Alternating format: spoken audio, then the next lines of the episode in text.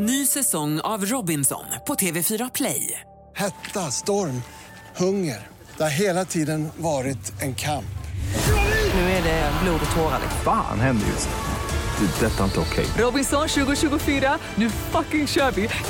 Streama söndag på TV4 Play. Podplay.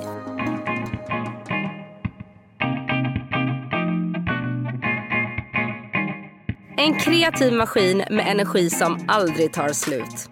Så beskriver sig Douglas Dogge Doggelito Leon bäst. Han är multikonstnär, sexbarnspappa och pionjär inom svensk hiphop. Genom sitt band The Latin Kings blev han känd. Med Elgigantens reklamfilm Cykel på köpet blev han folkkär. Dogge har låtit sina sorger och motgångar prägla sättet han ser på livet idag.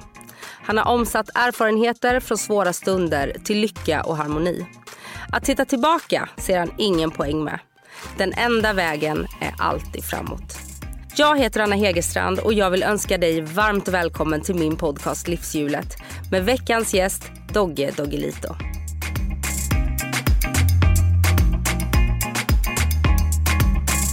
Det är ju bara du Dogge som kan eh, här, glömma bort en inspelning och sen vara här innan man ens ska dra igång.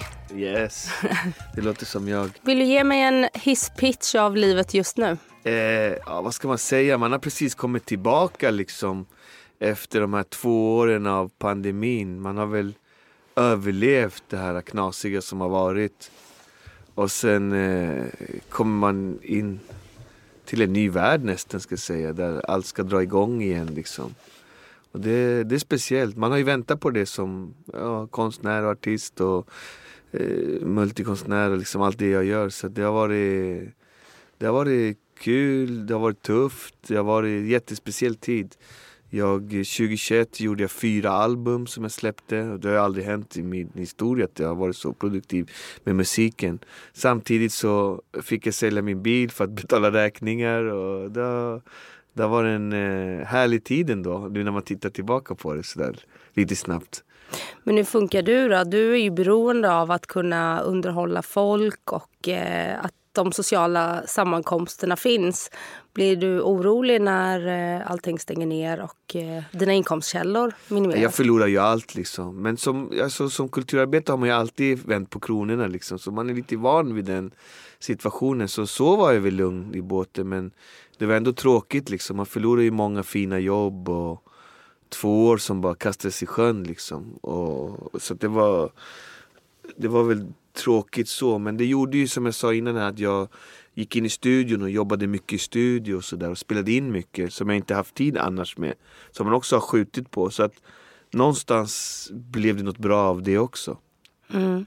Och sen under pandemin så har det också hänt något stort för dig. Du har ju blivit eh, sexbarnspappa.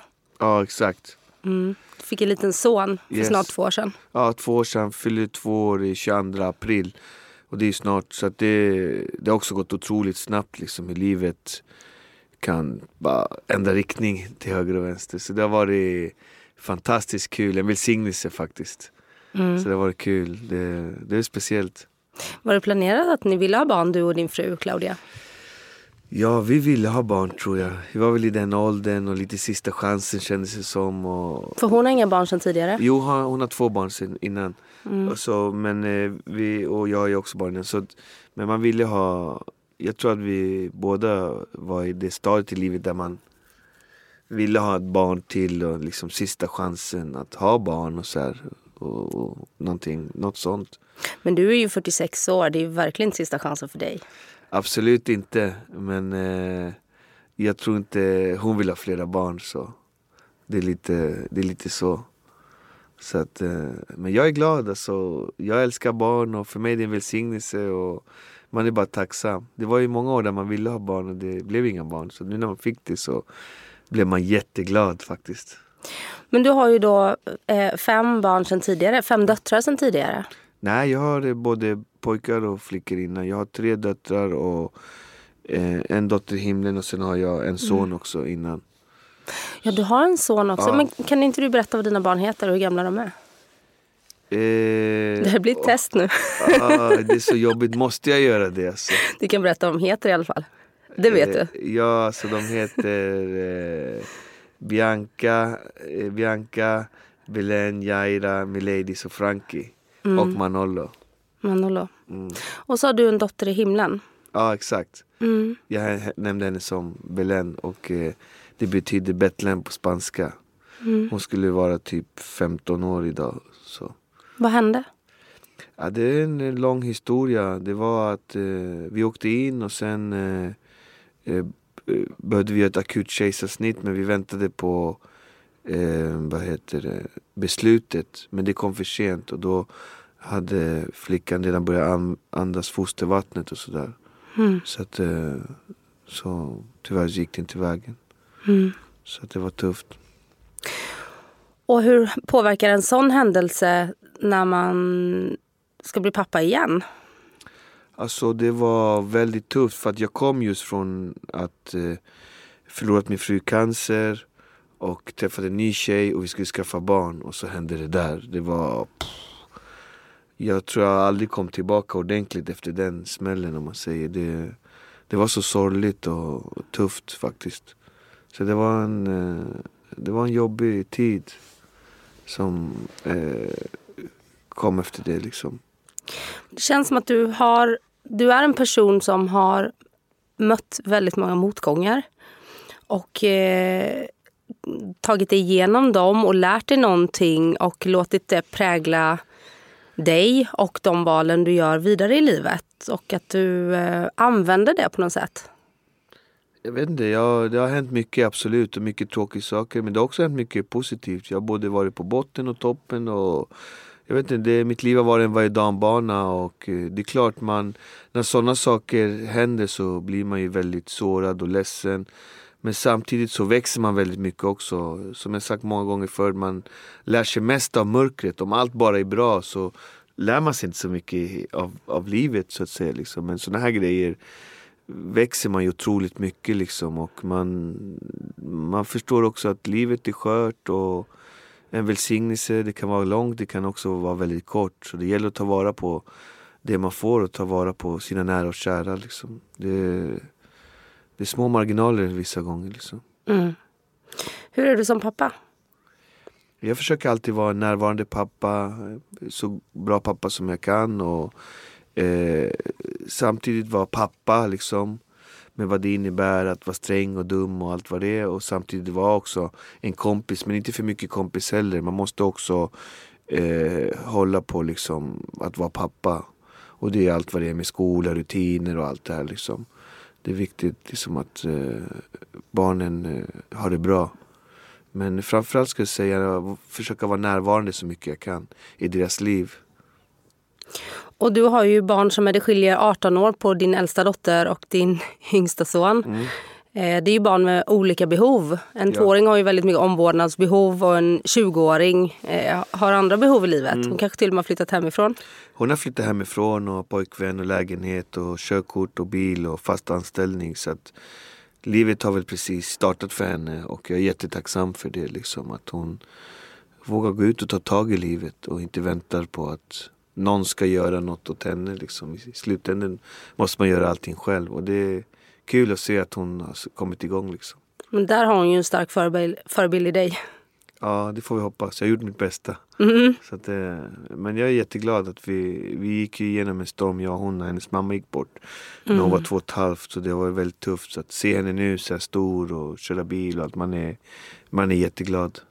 Mm. Ja, jag förstår det. Hur pratar ni om hennes mamma? Du och hon? Inte alls, inte jättemycket. Väldigt sällan faktiskt. Mm. Det ligger så mycket sorg i det, för min del. Så det, jag blir ledsen. Mm. Men jag vet att du bearbetade den sorgen genom att jobba. Ja, exakt. Jag, eh, jag vill alltid vara någon typ av arbetsnarkoman och gillar att jobba, röra på mig, träffa folk och, och det. Så att jag tror att för mig funkade den terapin, att jobba liksom. Att, och det, det är inte så för alla. Men för mig var det en jättebra terapi att gå ut och jobba, träffa folk och liksom ta tag i livet igen så att säga.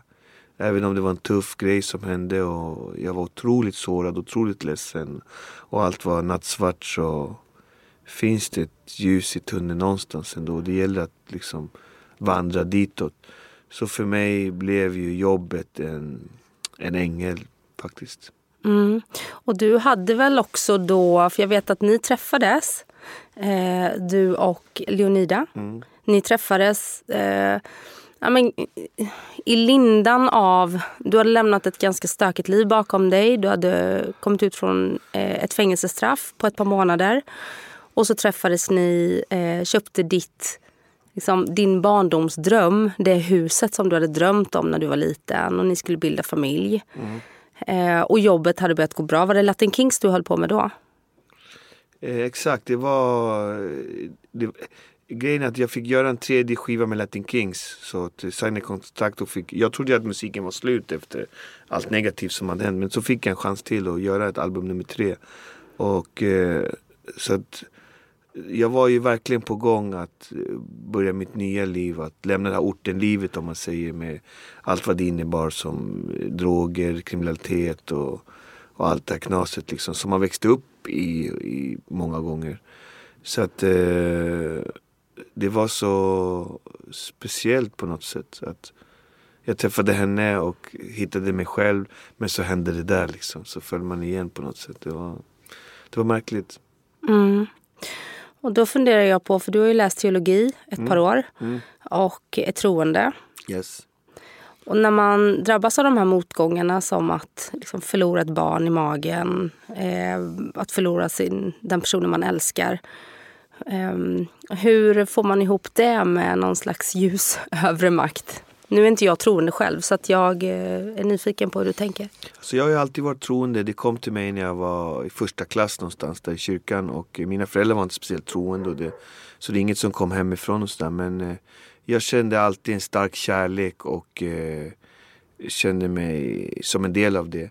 Så när allt det här mörka hände så förstod jag ju att det, det är en del av livet. Liksom. Det har egentligen ingenting med, med Gud att göra. Liksom. Han kan hjälpa mig fram när det är tungt men han kanske inte kan styra allt. Liksom. Men sen har jag vänt på det att eh, eh, min frus dröm då var ju att få barn och gifta sig.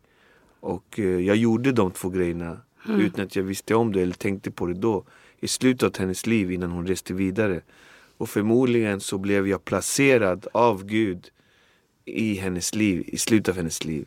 För att hon skulle få sina två största drömmar. Och jag var en av dem som fick göra det. Så det, jag tänker så, man vänder på det liksom. Så att det var där, jag hamnade där, i, mitt i den tuffa tiden liksom. Och det, och det är jag idag glad för att jag fick vara med och uppleva och ha min dotter som är 20 idag och allting liksom. Mm. Men för mig så gjorde inte min tro svagare eller den, den skulle jag säga gjorde mig bara starkare liksom. Och har alltid växt mer och mer och Eh, och det resulterade i att jag läste två år på Teologiska högskolan också för att jag var så pass intresserad av det. Och ville lära mig mer om Bibeln och allting, fördjupa mig. Och idag är du omgift. Ja, exakt. Mm. Hur lever ni? Vi lever i särbo och eh, jag bor ju med mina två, eh, min tioåring och tolvåring och eh, min fru bor med lilla pojken som föddes för två år sedan. Och sina två andra barn. För det är så många barn involverade så det blir svårt att flytta ihop alla så att alla ska få eh, liksom utlopp för sin grej. Så att det är bättre att boendet får vara som det är. Liksom. Som det har varit. Så man byta dagis och skolor och allt vad det är. Liksom. Så får vi träffas när vi har tid och kan och ork och energi och allt vad det är. Jag är, lever ju lite i den här tanken om att särbolivet någonstans ska vara det perfekta för att man slipper det här gnisslet i vardagen och man väljer att träffa varandra. Ja. Eh, skulle, är det någonting som säger att ni inte skulle ha barn från tidigare relationer? Eh, att du ändå ser fördelarna med det om man tar bort barnen liksom? Alltså det är både fördelar och nackdelar. Man saknar ju alltid den här äh, närvaron och vara med någon tillsammans. Och, eh, vara tätt in på varandra och, och, och liksom ha familjelivet så att säga. Det, jag älskar ju det på ett sätt. Och, och samtidigt så är det ju bra, man går inte varandra på nerverna lika lätt kanske om man ser varandra varje dag. Så det, det, jag tror att det är både nackdelar och fördelar. Men sen idag med den digitala världen så tror jag att Serbo är en bra alternativ. I och med att idag så vill många människor vara väldigt egna och självständiga och de vill leva sitt egna liv. De vill inte leva någon annan människas liv. Och det är lätt så när man eh, kanske eh, bor tätt in på varandra eller eh, tillsammans att man börjar leva den andra personens liv så att säga. Man hela tiden anpassar sig, anpassar sig och så glömmer man bort sitt egna liv. Och det, så jag skulle säga att det är både fördelar och nackdelar. Det är hur man är som person. Det, det här var första gången för mig det blev en sån här grej liksom. Och jag tycker att det funkar bra vissa gånger, vissa gånger funkar det inte alls. Då är det jättedåligt. Men jag vet att ni har ju haft ett av och på förhållande och det har varit stormigt. Ehm, hur eh, har ni landat i det lugnet? Jag tänker att ni har hittat idag. Det är, Eller har ni hittat lugnet Det idag? är fortfarande stormigt men det är väl lite lugnare liksom. Man känner ju varandra mycket, mycket bättre. Och, ja, så förut så kanske inte, om man inte kände varandra så förstod man inte varandras signaler liksom. Som ibland är det mycket stress på mitt jobb och så här och då jag kan inte prata eller då för förstod inte personen det. Nu kanske hon förstår det bättre. Att, att det är bättre att ringa senare eller vi hörs sen eller någonting. Liksom, det blir svårt att ta en diskussion vissa, vissa stunder i, när jag är i action på jobbet så att säga. Liksom, jag, jag gör ju väldigt mycket konstiga saker liksom. Som är, ibland kan man stå i en direktsändning eller på väg in och behöver ladda liksom. Och då kan man inte kanske ta en diskussion eh, just då liksom. Eller gå ifrån. För man måste, jag jobbar ju mycket med huvudet så man måste vara redo för liksom, kanske tv-soffan, det kommer frågor eller vad det är. Och då, att störa den, vad ska man säga, lugnet innan, det är ju inte bra liksom. Nej. Och jag tycker också, vi, vi har ju liksom känt varandra ändå sådär lite på håll och hörs genom åren i snart tio års tid. Yes. Du skickade mig ett eh, meddelande på Messenger med den första bilden som är tagen på oss. Och det är nio år sedan. Ja. Och det var första gången du gästade Livshjulet. Yes. Eh, och varje gång jag har liksom frågat dig saker eller bett om saker eller sådär, så är du alltid så här: cool, jag kommer, vad ska jag göra, när ska jag vara där? Och så dyker du upp. Någon gång har du varit 45 minuter för sent, fine. Någon gång har du haft en skrikig unge i bilen som vägrar följa med. Och någon gång så har du åkt eh, 20 mil upp till Dalarna för att gigga på, på ett event och sen dragit hem på kvällen. Det känns som att du är en person som behöver ha din frihet för att ja, men, ta chansen och kunna agera i stunden.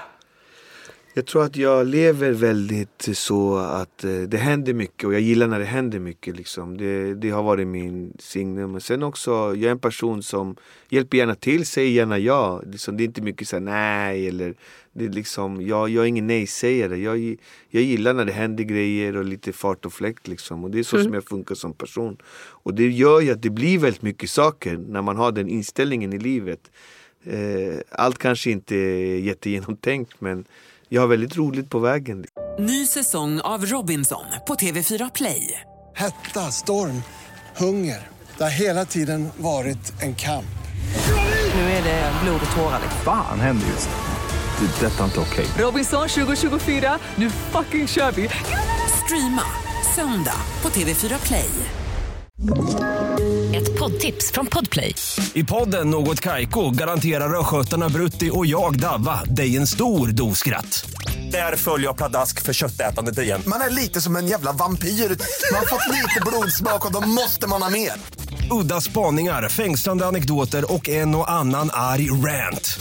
Jag måste ha mitt kaffe på morgonen för annars är jag ingen trevlig människa. Då är du ingen trevlig människa, punkt. Något Kaiko, hör du på Podplay. Därför är Liksom. Sen eh, det blir svårt då för en kvinna kanske att tämja mig efter liksom att sitta hemma i en soffa liksom. Det, Det är inte din det är grej. inte min style alltså.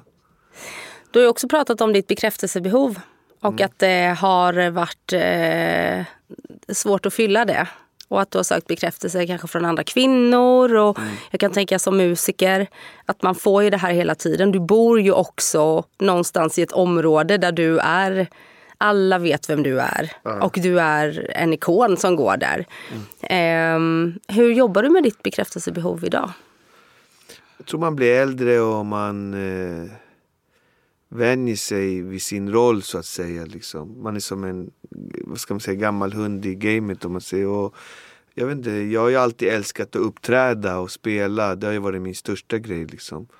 Och eh, det är det jag vill göra och det är det jag vill fokusera på. Och det är det jag har gjort under pandemin. Fokusera mycket på musik och min konst och så här. Och kanske ta bort det här dåliga som har varit kring liksom. Som egentligen inte är bra för mig. Kanske droger, kvinnor, alkohol. Allt det här som eh, förstör det som jag älskar så att säga. Och det, det är någonting man lär sig. Men sen också har jag haft förebilder. Andra sångare som man har sett, de har levt rövare och det har inte gått bra för dem. Liksom. Så de har ju varit bra exempel på vägen. Om jag verkligen vill göra det här hela livet då är det bra om jag kan tänka på det i alla fall. Så det har gjort att jag försökt träna och inte, inte liksom dricka, inte röka och, eller någonting. Liksom. Det, alltid försöka hålla mig stark och positiv. Hur lever du idag med sådana saker? Träning och kost? är- jag, nu har jag tappat kosten, jag har gått upp väldigt mycket, ätit mycket socker tyvärr, godis och chipsar och Coca-Cola. det är allt kallt ute nu, man måste ha lite. Så men eh, annars så har jag varit duktig på att träna och liksom hållit mig borta från droger, alkohol, cigaretter, snus. Allt sånt där liksom. Så det, jag försöker i alla fall och det, det är det viktigaste. Men eh, nu har jag varit lite sjuk här i januari så att eh, jag eh, har tagit lite lugnt med träningen. Men jag hoppas att komma tillbaka snart. Och sen börjar ju fastan på söndag tror jag, ortodoxa fastan. Är ortodox så då får man ju leva som en vegan i 55 dagar. Så där tänkte jag försöka ta lite vikt. Alltså försöka äta bra och rätt så att man går ner i vikt. Har du, har du svag karaktär när det kommer till vad du stoppar i dig? I perioder. I perioder. Det- Jag är en periodare i allt nästan. Tränar jag så tränar jag hårt och bra, inga problem. Har jag, håller jag kosten så håller jag kosten, det är inga problem. Men när jag väl släpper det då, då går det åt pipsvängen. Så då kan det vara allt möjligt skit. Alltså.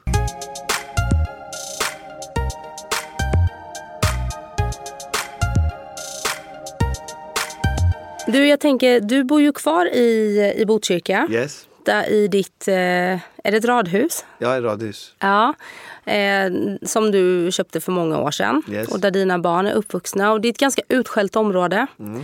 Hur, eh, hur tänker du liksom kring dina barn när det kommer till, till droger, kriminalitet? Eh, att de inte ska hamna in i, i eh, ja, liksom dåligt umgänge i tonåren. Eh, och det kan man ju göra oavsett var man bor. Men eh, hur ser du på det? Det gäller ju att vara närvarande förälder så gott det går. Liksom. Det är tufft med tonåringar. De testar gränser och smäller i dörrar och jävla gubbe och allt vad det är. Och det, det gäller att stå på sig bara och försöka visa att eh, det här är fel, det här är rätt och så här måste det gå till. Och sen eh, det här området, det, det är ju inte bara där vi bor. Det är många ställen nu i Sverige som har blivit sådana här områden. Där det är lite tuffare och utslagning, fattigdom och kriminalitet och droger och allting. Och även där vi bor. Och eh, jag vet inte, jag är själv barn av det så att det är väl en fördel att jag känner till den stilen så att säga. Liksom. Men jag tänker, för du eh, sa, du sa ju tidigare att eh, när du hade fått din fängelsedom som var några månader för ett, ett, krog, eh, ett bråk i en krogkö eh, så trodde du att det var slut med musiken. Och då tänker jag den hiphop och rapkulturen som är idag eh, just nu i Sverige där unga män skjuter ihjäl varandra. Och det snarare verkar vara en ehm, att man ska ha suttit inne. Att det spär på din kredibilitet. Ja. Och att det blir förebilder för unga människor. Vad tänker du om det? Alltså, världen ser väldigt annorlunda ut från när jag var ung och så här. Jag var ju ung ändå för 30 år sedan.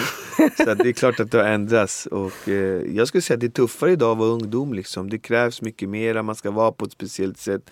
Det är tuffare idag att vara kvinna eller ung kille. Du vet, det, de, de tror mycket på det digitala, att man, hur man ska vara och hur man ska se ut. Och, och det är ofta en, tycker jag, en förljugen bild. Liksom verkligheten är ju väldigt, väldigt annorlunda liksom. Så att eh, jag tycker att eh, jag hoppas att eh, vi kan lära oss av allt det negativa och vända det till något positivt. Liksom. Det, det är det enda tror jag. Liksom. Det, men tyvärr så kommer det alltid finnas negativitet. Alltså det, det är en del av eh, mänskligheten på något sätt tyvärr. Liksom. Jag såg dokumentären om Einar där eh, de intervjuar eh, Sebbe Staxet från Kartellen. Ja. Där han känner en enorm liksom, på något sätt skuld. För Einar var ju, ja, men han var ju Einars förebild. Och de umgicks och att han kände att, att han blev en förebild för det som Einar ville vara. Eh, och det som sen hände honom. Eh, och Latin Kings var ju verkligen hip, alltså ni var ju pionjärer inom hiphop. Ni är ju invalda i Music Hall of Fame. På vilket sätt känner du att du, känner du, att du har ett ansvar eh, som musiker? Alltså, jag, visst, som artist och musiker har man ju ansvar om, om man är förebild, det är självklart. Men jag tror bara att som man idag, eller som människa och i vuxen så måste man alltid tänka på att försöka vara en förebild till de yngre. Det spelar ingen roll om du är känd eller okänd eller om du är förälder. Du ska alltid försöka föregå med gott exempel. Liksom. Jag tror att många ungdomar idag behöver starka, bra förebilder. Sen om det är du, jag eller någon rappare eller vem det är, det, det spelar ingen roll tror jag. Det, det är viktigt. eh, Idag är många vuxna väldigt upptagna och eh, barnen eh, kanske glöms bort på många ställen i samhället. Och det, det är där tror jag det blir knas liksom. Så jag tror att det är viktigt att vara förebild. Men sen måste man komma ihåg att jag kommer från gamla skolan av hiphop och rap där man var mot våld, mot droger, mot kriminalitet. Vi rappar ju mot sånt. Liksom. Ja. Vi vill ju, jag växte upp i sånt område och jag ville bort från det där. Jag tyckte inte alls att det var häftigt. Liksom. Medan idag inom rappen så, Koketterar de? så precis som du sa har det ändrats. Idag ska man vara för allt det istället. Idag ska man ha suttit inne, man ska ha knarka, man ska ha allting. Så att det har ändrat helt och hållet liksom. Så att det, är en, det är en annan tid idag liksom. Och det är väl att droger och vapen har blivit mer tillgängliga för barn och ungdomar tyvärr i vårt samhälle. Och ehm, vi, vi rappar ju mot sånt. Vi sa ju snubben trodde han var cool för han hade en pistol. Det, liksom, vi gjorde ju antivåldslåtar liksom. Och det, det, det var en annan tid. Det var en annan tid. Så det, det är nya tider nu. Och i din musik som du gör nu, du har ju gjort så otroligt mycket musik som många inte vet om också. Har massa musik. Jag har gjort 18 album tror jag. Ja. Alltså jag har två album med i Rigos data som jag väntar på att han ska mixa klart. Så Jobbar, jobbar du och Rigo ihop tätt? ja, vi jobbar väldigt mycket ihop. Vi uppträder ibland, vi gör låtar ihop och eh, vi, har, ett- vi har två album i hans data nu som jag måste få klart också. Så vi jobbar väldigt tätt ihop faktiskt. Det är väldigt kul. Vi är uppväxta tillsammans och eh, vi har gjort musik tillsammans hela livet. Mm. Och han var ju också, han var ju både en del av Latin Kings och av um, Infinite Mass. Infinite Mass. Yes, Ja. yes. Ja. Eh, så vad, vad ser du karriärsmässigt framöver förutom samarbetet med honom? Jag är 46 år nu och eh, när jag var 20 så sa jag så här, ska jag verkligen göra det här? Kan man rappa? Liksom fortsätta med det. Alltså jag tycker ni ska göra, jag vet och, att och ni gjorde blev, en... och, sen, och sen blev det 30. Ja. Sen blev jag 30, så bara, jag ska fortsätta med det här, ska jag verkligen hålla på länge. Sen blev jag 40, så bara, jag ska fortsätta. och när jag är 46, nu känner jag så här, jag kommer nog göra det här hela livet. ja, men du såg väl mellanakten på Super Bowl? Ja, ja, ja. ja. Eminem, Dr Dre, Snoop Dogg. De är över 50 de här killarna. Ja, exakt, exakt. Så, så att jag tror att man... Eh, jag älskar det här så pass mycket så jag kommer nog hålla på till tills de bär ut mig med fötterna före. Liksom. Det, det blir nog så. Liksom. Jag har ändå hållit på i 40 år nästa år, firar jag 40-årsjubileum. Så att eh, Hur ska du fira det då? jag vet Ännu inte. en platta. En platta och kanske någon fest eller något, jag vet inte. Men det, det blir intressant att se vad som händer. Sen håller du på med din konst också. Målar. Mm, mycket konst, utställningar och tavlor. Och jag har precis öppnat en ny ateljé och är jätteglad för den. Jag gjorde fyra tavlor idag på morgonen. Bara för att komma igång, liksom, känna att jag är igång. Så det, det har varit härligt. Fyra tavlor. När går du upp på morgonen? För det, klockan är inte jättemycket nu. Nej, det är inte mycket. Den, vad är klockan? Men den är Strax efter lunch. strax efter lunch. Jag, eh, jag har ju de här barnen och de ska vara i skolan. De börjar 8 och 20. Så att klockan sju ringer klockan. Så jag går ju upp med dem. Och så fixar de sig och jag fixar mig och så kör jag dem till skolan så att de är där tio över åtta. Ibland kommer vi på målsnöret 20 över åtta. Och så lämnar jag av dem. Och då försöker jag åka direkt till ett jobb. Så att har jag jobb så gör jag jobben. Har jag inga jobb då åker jag till ateljén och gör tavlor. Och vad kan det vara för jobb? Ja, men det kan vara allt. Tv-program, eh, skivinspelningar, eh, reklamfilmer. eh, Allt möjligt alltså. Poddar. Alltså folk ringer från höger och vänster. Liksom. Det uppträdanden. Alla möjliga jobb faktiskt. Och, men är det en dag där det inte är någon sån här grej. Det är vissa dagar som då, då kör jag ateljén. Alltså, då, då målar jag och åker dit och jobbar och får tavlor gjorda. För jag, jag skulle vilja göra en lite mindre utställning med min brorsa. Så vi snackade om det idag faktiskt innan jag kom hit. Att vi ska försöka göra 12 tavlor. Jag har, tror jag har 10 nu så det fattas två som jag. Ny säsong av Robinson på TV4 Play. Hetta, storm, hunger. Det har hela tiden varit en kamp. Nu är det blod och tårar. liksom. Fan händer just nu. Det. Detta är inte okej. Robinson 2024, nu fucking kör vi! Streama söndag på TV4 Play. Ett poddtips från Podplay. I fallen jag aldrig glömmer djupdyker Hasse Aro i arbetet bakom några av Sveriges mest uppseendeväckande brottsutredningar. Går vi in med hemlig telefonavlyssning och, och då upplever vi att vi får en total förändring av hans beteende. Vad är det som händer nu? Vem är det som läcker? Och så säger han att jag är kriminell, jag har varit kriminell i hela mitt liv men att mörda ett barn, där går min gräns. Nya säsongen av Fallen jag aldrig glömmer på Podplay. han ska göra. Så att vi kommer igång. Och vad vill ni ställa ut dem? Det är hemligt men jag kan avslöja det här. Drömmen är att ställa ut på Gyllene Freden i Gamla stan. Gyllene Freden, hur kommer det sig? Det är en sån klassisk kulturnäste om man säger. Eh, alltså både Andersson, Taube har ju hängt där och Svenska Akademin har ju möte där uppe. Och, liksom det, är en- det är en sån härlig kulturplats, liksom klassisk.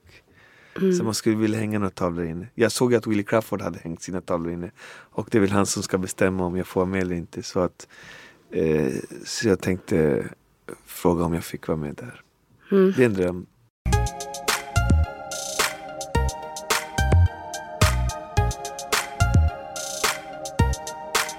Du är ju känd för att vara en mångsysslare.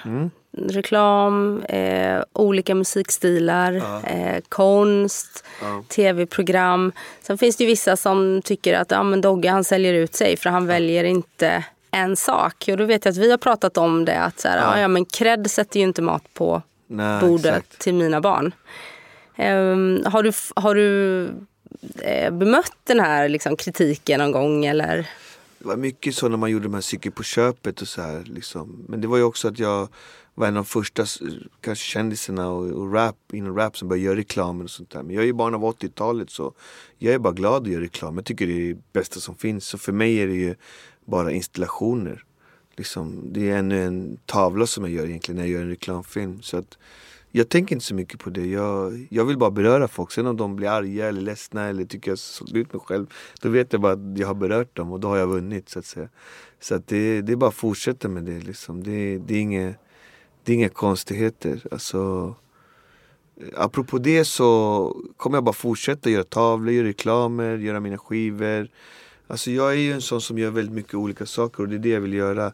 Och det kommer också, den håller på att skrivs nu, boken som kommer heta Cykel på köpet. Så det kommer komma hela storyn kring det där också som var ett riktigt ståhej då när det begav sig 2007. Jag tror att jag var ute på en turné tre år efter det liksom. Det var helt galet den här tiden. Liksom. Den, Och vad är det för bok där? Någon slags biografi eller? Ja, det, det handlar om hela den här reklamresan som jag gjorde då med Cykel på köpet och turnén kring det och varuhusen som öppnades och allting. Så det var, det var en speciell tid. Det är lite roligt för att idag så folk fyller år på Facebook. Och då brukar, de som är inne brukar säga så här, grattis. Och, och det är så sjukt för att den här reklamen kom ju 2007 tror jag. Och då skrev jag till någon kille så på Facebook som jag inte ens känner men han är min vän på Facebook. Ja, grattis liksom, njut av din dag, ha så härligt. Och så svarar han så här, jag önskar mig en cykel. alltså det, det är 13 år sedan men än idag så i den reklamen så, alltså jag ser ju folk skiner upp. Jag ser ju dig också nu när du säger bara cykel på köpet. Att folk skiner upp och blir glada. Och Ja. För mig är det kvitto för att jag har gjort någonting bra och sprida glädje. Och vara Dogge och min grej, det, det är att sprida glädje. Det är det som är min grej. Det har alltid varit det liksom. Ja. Så att eh, jag är bara glad att jag fick vara med om den där eh, grejen. Alltså det, om jag var känd med Latin Kings så blev jag folkkär med Cykel på köpet. Så det blev en, det blev en otrolig story. Tror du att det har hindrat dig från större reklamsamarbeten idag? Absolut, både det ena och det andra. Det är ju mycket diskussioner liksom. Så att eh, jag har både vunnit på det och förlorat på det tror jag. Mm. Men i slutändan tror jag att jag har vunnit mer på det. För att den är så älskad liksom. Så att ibland kommer reklamfilmer som hey, kan du bara säga på köpet? Fast det är någon annan grej. Bara för att de bara vill köra det. Jag var okej om ni vill, liksom, inga problem. Ja. Så att eh, den, den påverkade väldigt, väldigt mycket.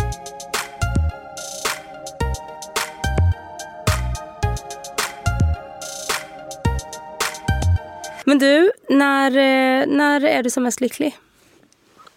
Jag tror när jag har färdigställt en tavla eller färdigställt ett album eller en låt. Eller bara gjort någon människa glad liksom. Det, det är väl det som är mitt signum. Att eh, vara glad och sprida glädje liksom. Och kan jag få andra att eh, bli glada eller tycka om någonting som jag har gjort och skapat. Det, det är det bästa. Då är jag glad och lycklig. Mm. Det har ju alltid varit mitt jobb liksom. Ja, och hur, eh, hur boostar du kreativiteten? Hur eh, återhämtar du dig? För det tar ju ganska mycket energi, vet jag som också är en kreativ person. Att när man går in i de här måla fyra tavlor på en morgon, då behöver man återhämtning efter kanske. Alltså, det kan låta jätteskrytsamt men jag tror att jag föddes och har det här. Jag har aldrig, jag har aldrig haft så här torka eller som många andra. Jag, jag har ett så flöde. Det går så snabbt för mig. Jag bara gör, jag bara matar. Du bara kör. Det, jag bara kör liksom. Så det, det, det är ett flöde som jag är tacksam för att jag alltid haft. Liksom. Jag kan skriva låtar snabbt och spela in snabbt. Och, liksom det, jag är glad för det, att jag fick den gåvan på något sätt. Det, det är bara härligt att ha liksom. Du får aldrig någon så här, du vet att du bara känner att nej nu måste jag bara logga ut en dag och bara ligga på soffan eller? Nej, jag, vill ofta, jag tycker oftast tiden är för knapp. Att jag måste hinna, måste skynda mig så att jag hinner så jag blir klar. Annars missar jag. Shit, liksom, fan missa en dag när jag kunde gjort det där istället. Det var dumt, jag borde. Alltså, Mm. jag, jag tänker mycket i de banorna. Och sen kanske någon dag är jag trött och då får jag vara trött. Liksom. Då får jag acceptera att lyssna på kroppen. Men oftast så har jag otroligt starkt flöde. Liksom. Det, det, det är inte alla som orkar med det. Jag har en kompis som jag alltid brukar nämna. Han bara Jag orkar vara med dig en dag, sen måste jag vila tre dagar. Mm. Så att han blir helt slut på allt som jag gör liksom. Men det är också så här, ja ja då får han vila då så kör du på och Ja, ja, ja, så, så, så, så är någon annanstans dyker upp och då brukar man se att han kommenterar så här, wow. Du vet, han är med digitalt bara sen. Men det är ju en otrolig gåva. Vad tror du det kommer ifrån? Jag tror att eh, min morfar var otroligt, min mormor och morfar var otroligt begåvade. Mormor gick på Konstfack, målade och min morfar var arkitekt och spelade sex instrument på gehör. Han spelade Paramount-orkestern och sånt där. De var otroligt begåvade liksom med det konstnärliga, så att säga, musik och konst. Och min pappa, han var så arbetare Mm. hade så här supermycket energi. Så han hade otrolig energi, otroligt driv. Alltså han bara jobba, jobba, jobba, jobba, jobba. Mm. Så att jag tror att jag fick konsten från dem och den här energin från min pappa och då blev det liksom som en konstmaskin som bara köttar ut grejer liksom. Ja, det är en hyfsat unik kombination. Ja faktiskt. Alltså det, Är dina barn likadana? Nej, Har det gått i arv? Nej, någon kanske har energi, någon kanske har konstgrejen men inte alls samma motorik så att säga. Tror du det kan ha att göra med att, för du eh, är ju uppvuxen ja, men med inte så mycket pengar. Ja, Dina barn har haft det lite bättre ställt när de har vuxit upp. mycket bättre. Ja. Tror du att det kan ha med det att göra? Kan ha med det att göra, rädslan att aldrig bli fattig och inte ha någonting att göra, absolut. Men sen tror jag att jag bara fick det här av naturen av mina föräldrar, morföräldrar. För att min gympalärare som jag hade i, i småskolan, eh, hon hade senare mina barn. Och då var jag där på någon så möte på gympan. Så träffade jag henne och sa hej, läget, åh vad kul att träffas. Så här, Man ser sin gamla gympalärare. Mm. Och då sa hon så här, jag måste bara berätta en sak. Alltså den här motoriken som du har. Alltså jag har varit lärare här i 40 år liksom. Jag har aldrig träffat någon som har sån motorik som du har. Det är otroligt. Och det var väldigt kul faktiskt att få höra det. Mm. Så att eh, jag tror att den där energin den är otrolig på något sätt. Den har tagit mig framåt liksom. Bestigit berg och toppar och dalar och ner och upp. Alltså den, den har gjort att jag kunnat göra allt det här. Energin. Och sen har jag haft den här äh, ådran och konsten och musiken i ryggen. Och då blir det mycket gjort liksom. Vad är det du känner att du har kvar att göra? Som du skulle- väldigt gärna vill.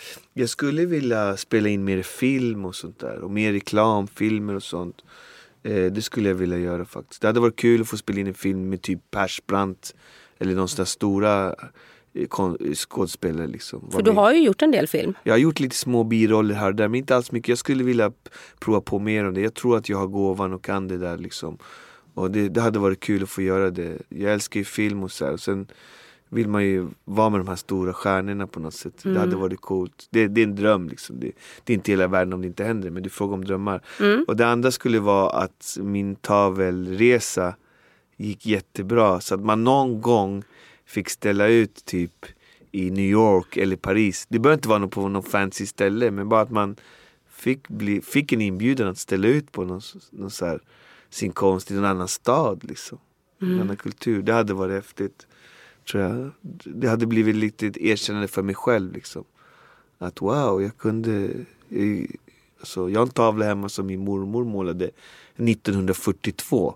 Som jag tycker är så här jättenice. Mm. Om jag skulle få ställa ut då i ett annat land och folk skulle tycka det var fint jag gjorde att de bjöd dit mig. Då förstår jag ju att min resa började inte med mig, den började redan med min mormor liksom. Mm. Men jag hade så mycket energi så jag tog energin och tog mig lite längre fram med det. Så det hade varit en dröm. Sen om inte det händer, det är inte hela världen. Jag kommer måla på ändå och göra mina utställningar och vernissager ändå. Men det hade varit kul att få ett sånt brev att liksom bli inbjuden på någon sån här, någon, att få ha en vernissage någonstans i något annat land. Någon slags erkännande. Ja, något, något sånt liksom. Känner du att du väntar lite på ett erkännande? Det gör man alltid tror jag som konstnär, man blir aldrig nöjd liksom. Som Konst är- musiker? Konst är som pengar. Alltså du, du får pengar och så slösar de så vill du bara ha mer pengar. Och det är lite samma med musik. Jag och, vet att du gör det i alla fall. Ja, jag, jag kan ingenting om pengar men det är samma med musik och konst. Du gör en, en tavla och sen tycker den är fin och så säljer den och så vill du göra en till och så vill du bara fortsätta. Mm. Man, man blir liksom aldrig mätt så att säga. Så jag skulle Nej. nog vilja ha ett erkännande musikaliskt, konstnärligt och också de här filmerna som skådespelare. Ja. För då har, jag, då har jag tryckt in alla de här härliga konst, eh, uttryckningsformerna. Och det är väl det man krigar för. Mm. Ja, jag fattar. Samtidigt så kan jag känna så här, att vara liksom kallas för hiphopens pionjär och vara invald i Music Hall of Fame och också ha ett antal dokumentärer på SVT som är Ja. gjorda om en.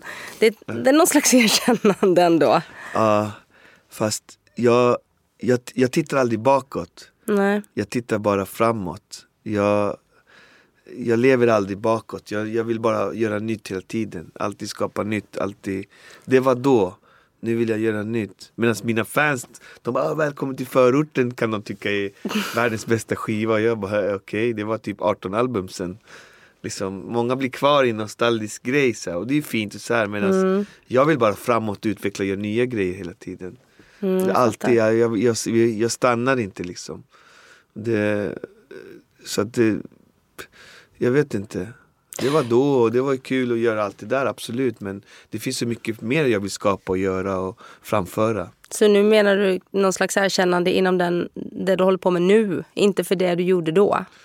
Ja, alltså, just, man vill ju ha någon så erkännande som typ någon så här äh, multikonstnär och nationalskald kanske. Eller någonting så här. Någon som Mm.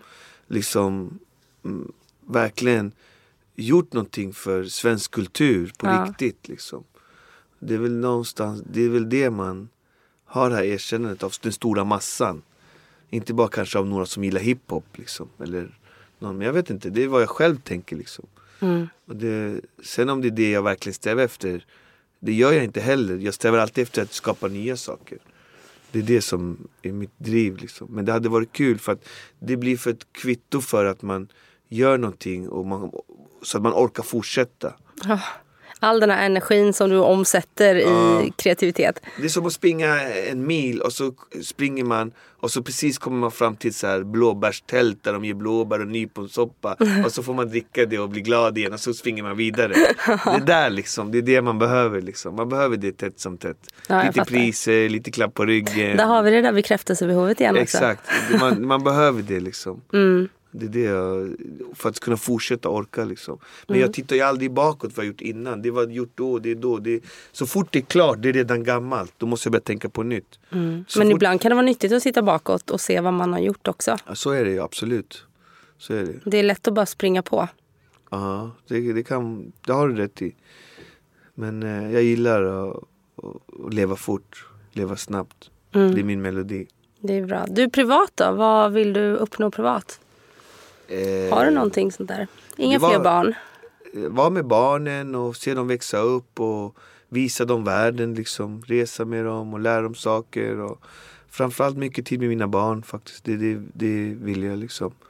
Mina föräldrar jobbade ju väldigt mycket och missade väldigt mycket av min uppväxt. Liksom. Och, och jag vill försöka vara där så mycket jag kan för mina barn. Mm. Det tror jag. Och ha en bra familj och hitta lugn och harmoni. Balans. Mm. Och det känner jag att desto äldre man blir så blir det mer balans på något sätt. Det är ganska härligt. Ja. Du gillar att bli äldre? Jag gillar att bli äldre, tycker det är skönt. Faktiskt. Jag, Det tycker jag också, förutom det fysiska förfallet. ja, jag, ja, jag vet, ja, faktiskt kanske. Jag, jag tänker inte så mycket på det. Jag tycker det är rätt skönt att vara lite tjock faktiskt. Fast världen vill att man ska träna och må bra. Och, och då Ja. får man ångest för det. ja, men jag tänker också det här, du vet man reser sig på morgonen Ja. och eh, så stel och man känner sig gammal. Ja, Nu är jag lite yngre än dig till och med. Men alltså ja, man, man blir... Ja, kroppen tar stryk. Absolut, så är det. Men vi är fortfarande unga ändå. På något sätt. Eller vad var det du skrev till mig? Nu är man gammal flint och har hängpung. Ja. jag skojade. Ja, Exakt. I wouldn't know säger jag då. Du Dogge, tack snälla för att du ville komma och gästa mig. Och, Tack så mycket, tack så mycket. Det är alltid kul att få med i livshjulet. Det är tredje gången tror jag. Ja, det, det är andra gången i livshjulet och sen har du gästat en annan podd som jag Okej. har också. Ja, det är så det är, okej. Ja, och vi ses ju snart igen men det är hemligt. Det är hemligt. Ja, ta hand om dig nu. Tack så mycket, kram. Kram. Ciao. Hej. Hej.